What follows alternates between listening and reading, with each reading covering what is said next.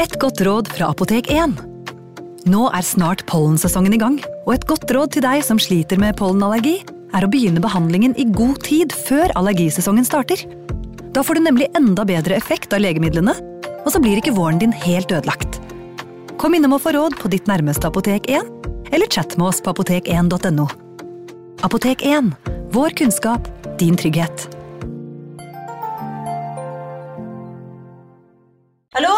Jeg kommer fra Oslo politikammer. Ine Jansen er purk. Er du purk? The motherfucking bitch. Alt jeg vil, er å finne ut hva som skjedde med mannen min. Jon Carew. Er jeg sikta for noe? Iben Akeli. Det er du. Ole So, Lars Berrum og Big Daddy Karsten. Hvem sin side er du på, egentlig? Anette Hoff, Tone Danielsen, Kommer du fra Afrika? Jørnis Josef, Nesten kløfta. Trond Espen Seim, Det er synd å si det, men det var feil mann som døde. Purk. Premiere tirsdag på TV2 Play. Ungsamtalen fra DNB er økonomisk veiledning tilpasset deg som er ung. Bokk en ungsamtale på dnb.no. slash ung. Det er kjempebra hvis du skal inn på boligmarkedet, hvis det er drømmen din, liksom. Det er det du skulle sagt. Og så kunne du ropt litt mer, da, sånn som jeg gjorde. Bam! Advarsel. Denne podkasten inneholder skildringer av ekte drap og kriminalsaker som kan være støtende for enkelte. Det advares også mot sterke inntrykk i deler av episoden. Alle som har barn, har nok kjent på den desperate følelsen av å ikke finne barnet sitt som plutselig er blitt borte. Som oftest finner man barnet sitt etter kort tid, da det f.eks. har sett noe spennende i et butikkvindu, eller vært ved godterihyllen i matbutikken. En februardag i 1993 i England ble en to år gammel gutt meldt savnet etter at han kom bort fra mammaen sin på et kjøpesenter. Historien om to år gamle James Bolger endte dessverre ikke godt. Han kom aldri tilbake til mammaen sin. Lille James ble funnet torturert og drept, og morderne var selv barn.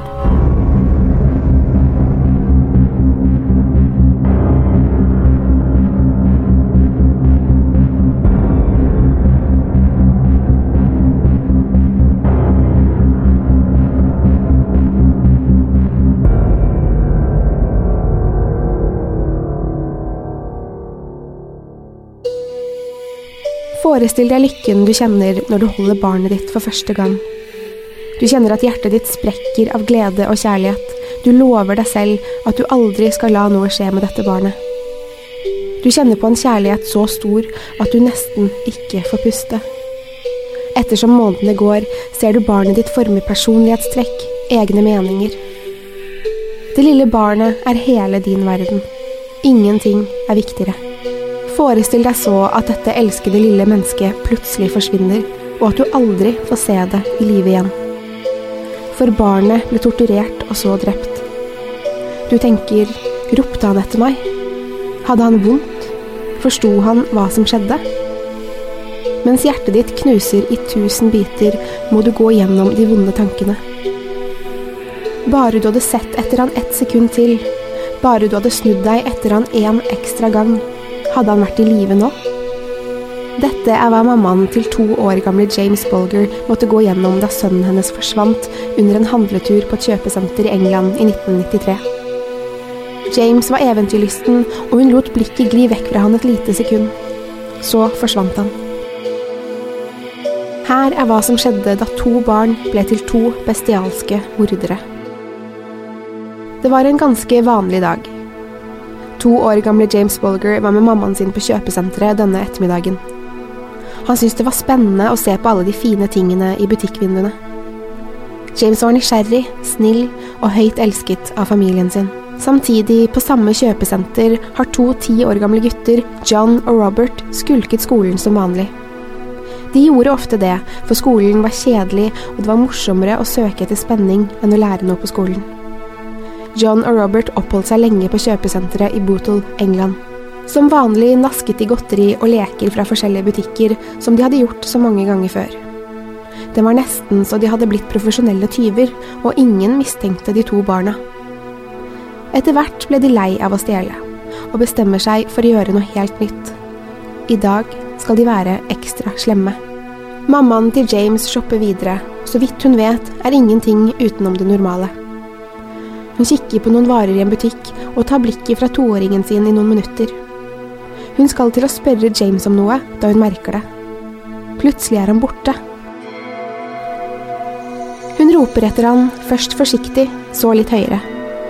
Han kan da ikke ha kommet seg så langt? Da hun ikke finner James noen steder, begynner hun å bli bekymret. Hun leter først rundt i flere butikker, uten å finne den lille gutten sin. Mammaen til James tenker at han må være redd, men trøster seg med at noen sikkert har sett han. Hun bestemmer seg for å kontakte sikkerhetsvaktene på kjøpesenteret, men de har verken sett eller hørt at en liten gutt er kommet bort fra mammaen sin og hjelper henne straks å lete. De etterlyser den lille gutten over anlegget, men ingen finner han. Deretter blir politiet koblet inn. Mammaen begynner å bli desperat, noe må ha skjedd med James. Politiet søker gjennom hele kjøpesenteret uten hell. De bestemmer seg for å lete bredere og se gjennom alle kjøpesenterets overvåkningskameraer. På overvåkningskameraene ser politiet at to gutter forsøker å kontakte flere yngre barn. De går bort, snakker litt med dem og rekker dem hånden. Barna de snakker med, vil ikke bli med guttene, selv om de prøver å lure dem bort til seg med godteri. Politiet går nøye gjennom overvåkningskameraene, og til sin forferdelse ser de lille James gå sammen med to større barn. Guttene klarte å lokke med seg toåringen. Men hva ville de med han? De leier han ut av kjøpesenteret og utenfor kameraenes rekkevidde. Her slutter alle spor, og en intens jakt på de to ukjente guttene starter. Alle leter etter James Bolger, men ingen ser ut til å finne han. Politiet begynner en rundspørring og etterlyser gutten over politiradioen. De snakker med vitner, og hele 38 personer mener å ha sett de tre guttene gå sammen. Flere trodde den lille gutten var ute og gikk med storebrødrene sine, og valgte derfor å ikke gjøre noe. Flere av vitnene forteller også at James hadde en kul i pannen, og at han gråt mens guttene leide han. Timene går, men de kjennes ut som år for James' foreldre. Gutten blir etterlyst i TV og på radio, men han har sporløst forsvunnet. Neste dag gir samme dystre resultat. James er som sunket i jorden, og de to guttene som leide James ut av kjøpesenteret, lar seg ikke identifisere på de kornete overvåkningsbildene. Politiet får mange tips, men ingen leder dem til den lille gutten. To dager etter forsvinningen får politiet en telefon fra Jernbaneverket. En liten gutt er funnet ved togskinnene. James Bolger blir funnet ca. fire kilometer fra kjøpesenteret han forsvant fra. Han er død. Verden raser for foreldrene til James, særlig for mammaen. Hun føler at det er hennes skyld, og klarer ikke å tenke på annet enn hva hvis. Hva hvis hun ikke hadde kikket i den butikken? Hva hvis hun ikke hadde bestemt seg for å dra ut av huset den dagen? Ved første øyekast ser det ut som James kunne ha blitt påkjørt av toget pga. skadene. Han var delt i to det tragiske utfallet av saken gjør at politiet vil jobbe enda hardere for å finne ut hva som skjedde med lille James. De beordrer en obduksjon og klassifiserer dødsfallet som mistenkelig, siden James ble sett med to litt eldre gutter før han forsvant. Vitner fortalte at han hadde en kul i pannen, og at han hadde grått. Under obduksjonen finner rettsmedisineren ut at James allerede var død da han ble overkjørt av toget. Så hvorfor døde han? Obduksjonsrapporten viser at James hadde 42 skader på den lille kroppen, og de fleste så alvorlige at det ikke gikk an å konkludere med hvilken skade som var den dødelige. Her er noen av skadene to år gamle James Bulger hadde, men vi har med vilje utelatt noen som var så alvorlige at vi ikke ønsker å fortelle dem. Gjentatte slagskader på hode og kropp. Blå maling i venstre øye Skader som følge av at noen hadde hoppet og sparket på ham. Skader fra murstein som var kastet på kroppen. Batterier og skader fra syren i munnen. Ti skallefrakturer etter en ti kilo tung jernstang som ble sluppet på hodet hans. Sko, sokker, bukser og undertøy var tatt av. Skader i rektum etter penetrering av gjenstand. James var alvorlig skadet før han ble overkjørt av toget, og han var allerede død da toget traff han. Men hvordan hadde han kommet seg til togskinnene? De to guttene, John og Robert, hadde tatt han med seg fra kjøpesenteret, men da han ville tilbake til mammaen sin, slo de han hardt i hodet. James hadde begynt å gråte, men de leide han videre.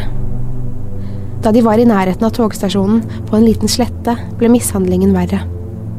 De slo James flere ganger og fant noen mursteiner som de også kastet på han. James falt mot bakken og blødde fra flere steder. Så helte de maling i øynene hans. De fant noen gamle batterier på bakken som de tvang inn i bl.a. munnen hans. De to ti år gamle guttene hadde så sparket, slått og hoppet på James. En av guttene hentet en ti kilo tung jernstang og slapp den til slutt over James sitt hode. Guttene så etter hvert at James ikke beveget på seg lenger. Han hadde sluttet å gråte. Lille James lå livløs på bakken, med hodeskallen knust og skader så alvorlige at rettsmedisinerne ikke kunne avgjøre hva den lille gutten egentlig døde av. James måtte ende livet sitt på den mest skremmende måten noen kan dø på. Uten at han forsto hvorfor, og uten at noen kunne hjelpe han.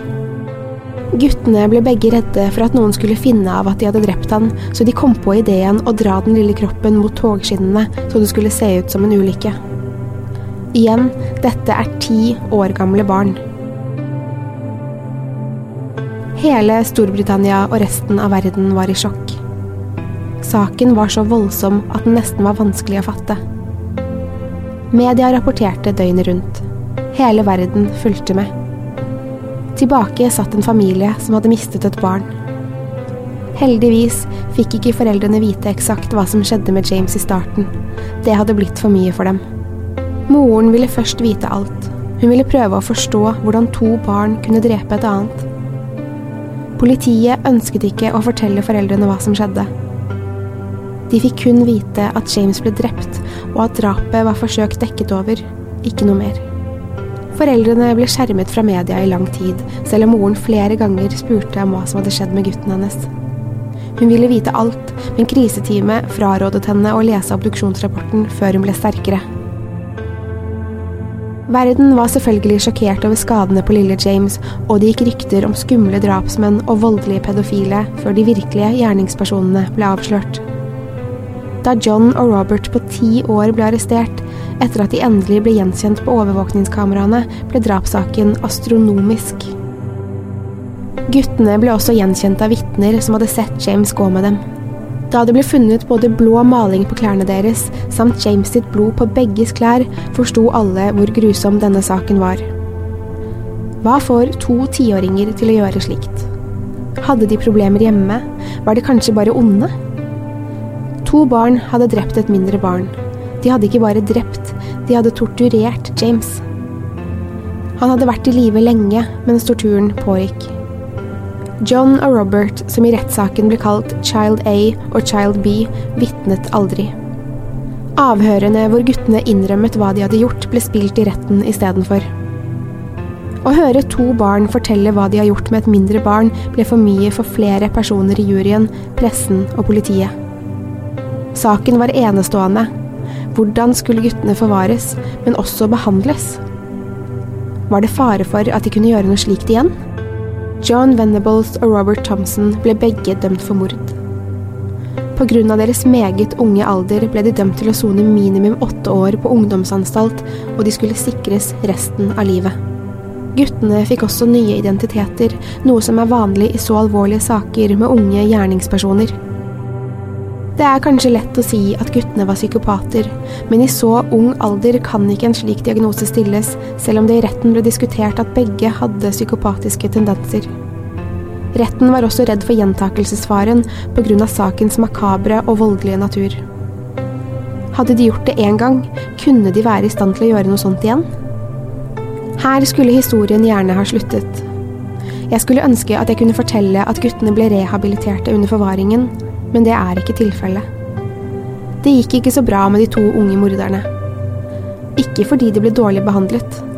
De ble faktisk behandlet veldig bra. Mer enn de kanskje fortjente. De ble beskyttet både av og fra samfunnet, men likevel dukker navnene deres, særlig den enes, opp i flere barnepornosaker også i dag. Han som en gang het John, er dømt opptil flere ganger for distribusjon og kjøp av barneporno, samt seksuell misbruk av barn. Han har sittet i fengsel flere ganger og viser dessverre ingen tegn til å endre sin destruktive atferd. Den andre, som før het Robert, har flere ganger vært i fengsel for vold. Begge har måttet bytte identitet flere ganger fordi de enten har blitt avslørt, eller fordi de har begått nye alvorlige lovbrudd hvor tilknytningen til James Bolger er kommet frem. Er det egentlig rehabiliteringen som har gått galt, eller er disse guttene, i dag mennene, som rett og slett ikke klarer å lære seg å leve som normale mennesker? Flere mener at guttene aldri kunne ha blitt normale, med stigmaet de måtte leve med fra veldig ung alder. De kommer alltid til å være barnemorderne som drepte lille James. Alvorlighetsgraden i denne saken er mildt sagt sjokkerende. Det er nesten ikke til å tro at barn kan gjøre slikt, ei heller komme på så mange måter å torturere og skade et annet menneske på. Under etterforskningen ble guttenes bakgrunn og familie sjekket for å se om det kunne finnes en forklaring på den voldelige atferden. Begge guttene kom fra arbeiderklassefamilier med relativt dårlig råd. Selv om foreldrene til guttene prøvde så godt de kunne, var de begge såkalte problembarn fra de var små. Begge viste voldelige tendenser mot andre barn, men også dyr. Det kommer ikke frem hvor unge de var da de begynte å bli voldelige. Men jeg tillater meg likevel å spekulere i om guttene hadde vært utredet for disse gryende psykopatiske tendensene og muligens fått behandling. Hadde James da levd i dag? Er det systemet som har sviktet? Man skal selvfølgelig ikke skylde på systemet for det som skjedde. Det er guttene alene som har ansvaret. Det var de som bestemte at de skulle kidnappe et barn den dagen. Det var de som bestemte at de skulle slå, sparke og misbruke James. Man kunne ikke vite at to barn skulle gjøre noe slikt. Man kunne ikke vite at noe så alvorlig skulle skje, at to såkalte problembarn skulle gjøre det verste noen kan gjøre mot et annet menneske. Men kunne man fulgt dem opp bedre? Mammaen til James vet i dag eksakt hva som skjedde med den lille gutten sin. Hun ville vite det. I dag kjemper hun for at dette ikke skal skje igjen, men hun er dypt skuffet over det britiske rettssystemet, som hun mener lot guttene komme unna altfor lett. Argumentene hennes er gode. Hadde de blitt fulgt opp på en annen måte, ville de nye sakene som omhandler John og all barnepornografien han har blitt tatt med flere ganger, kanskje ikke skjedd. Kanskje andre barn ville vært spart. I et intervju gjort i januar i 2018 fortviler hun over at John og Robert, som for ordens skyld heter noe annet i dag, håner systemet og det de gjorde mot sønnen hennes. De får leve slik de vil. De fikk egentlig aldri noe straff. Er det rettferdig? Mammaen til James sier at hun aldri kommer over tapet av sønnen, og hun har mareritt om at James roper på henne. Hun tenker at hun ikke var der for James da han hadde vondt og var redd. Hun lever med spørsmålene. Ropte han på meg? Lurte han på hvorfor jeg ikke var der? Følte han seg sviktet av meg? At en mor skal leve med dette resten av livet, er ufattelig trist, og det er provoserende at guttene ikke har vist anger eller tatt noe som helst ansvar for det som skjedde. Det sies at barn ikke er onde, men hva tror du om akkurat disse barna? Har du spørsmål eller innspill til denne episoden, mail oss på post at truecrimenorge.no. Takk for at du har hørt på True Crime Podden.